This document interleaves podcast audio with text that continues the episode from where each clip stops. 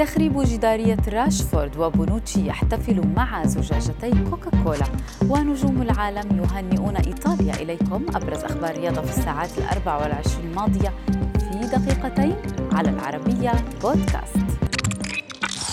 مشجعون لمنتخب إنجلترا. ذهبوا إلى مقهى لمشاهدة النهائي الأوروبي. فتفاجؤوا بوجود تلفاز صغير جدا. شاشة صغيرة. ما هذا؟ لن نستطيع رؤية رفاق هاري كين وغناء. It's coming home بحماس. فقرروا الآتي.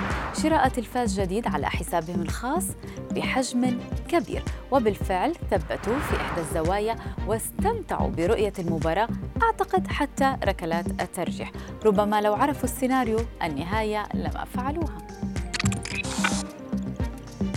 لم تتوقف إساءة البعض من مشجعي المنتخب الإنجليزي عند كتابة العبارات والرموز العنصرية على مواقع التواصل تجاه كل من راشفورد وسانشو وساكا بسبب فشلهم في تسجيل ركلاتهم الترجيحية بل قامت مجموعة بتخريب جدارية عليها صورة راشفورد.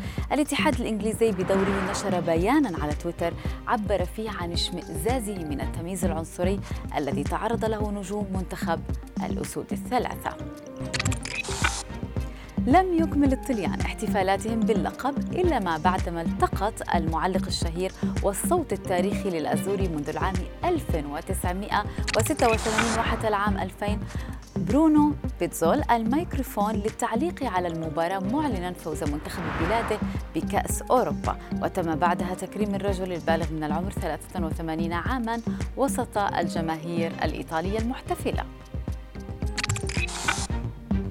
فاجأ بونوتشي حضور المؤتمر الصحفي بعد هزيمة إنجلترا وهو يحمل زجاجات مشروبات من بينها زجاجتي كوكاكولا مما اعتبره مراقبون حركة للرد على النجم البرتغالي كريستيانو رونالدو أنتم ما رأيكم؟ هل هي حركة عابرة أم هاشتاج مقصودة؟ رونالدو بدوره رد بطريقة مختلفة تماما حيث هنأ إيطاليا على اللقب.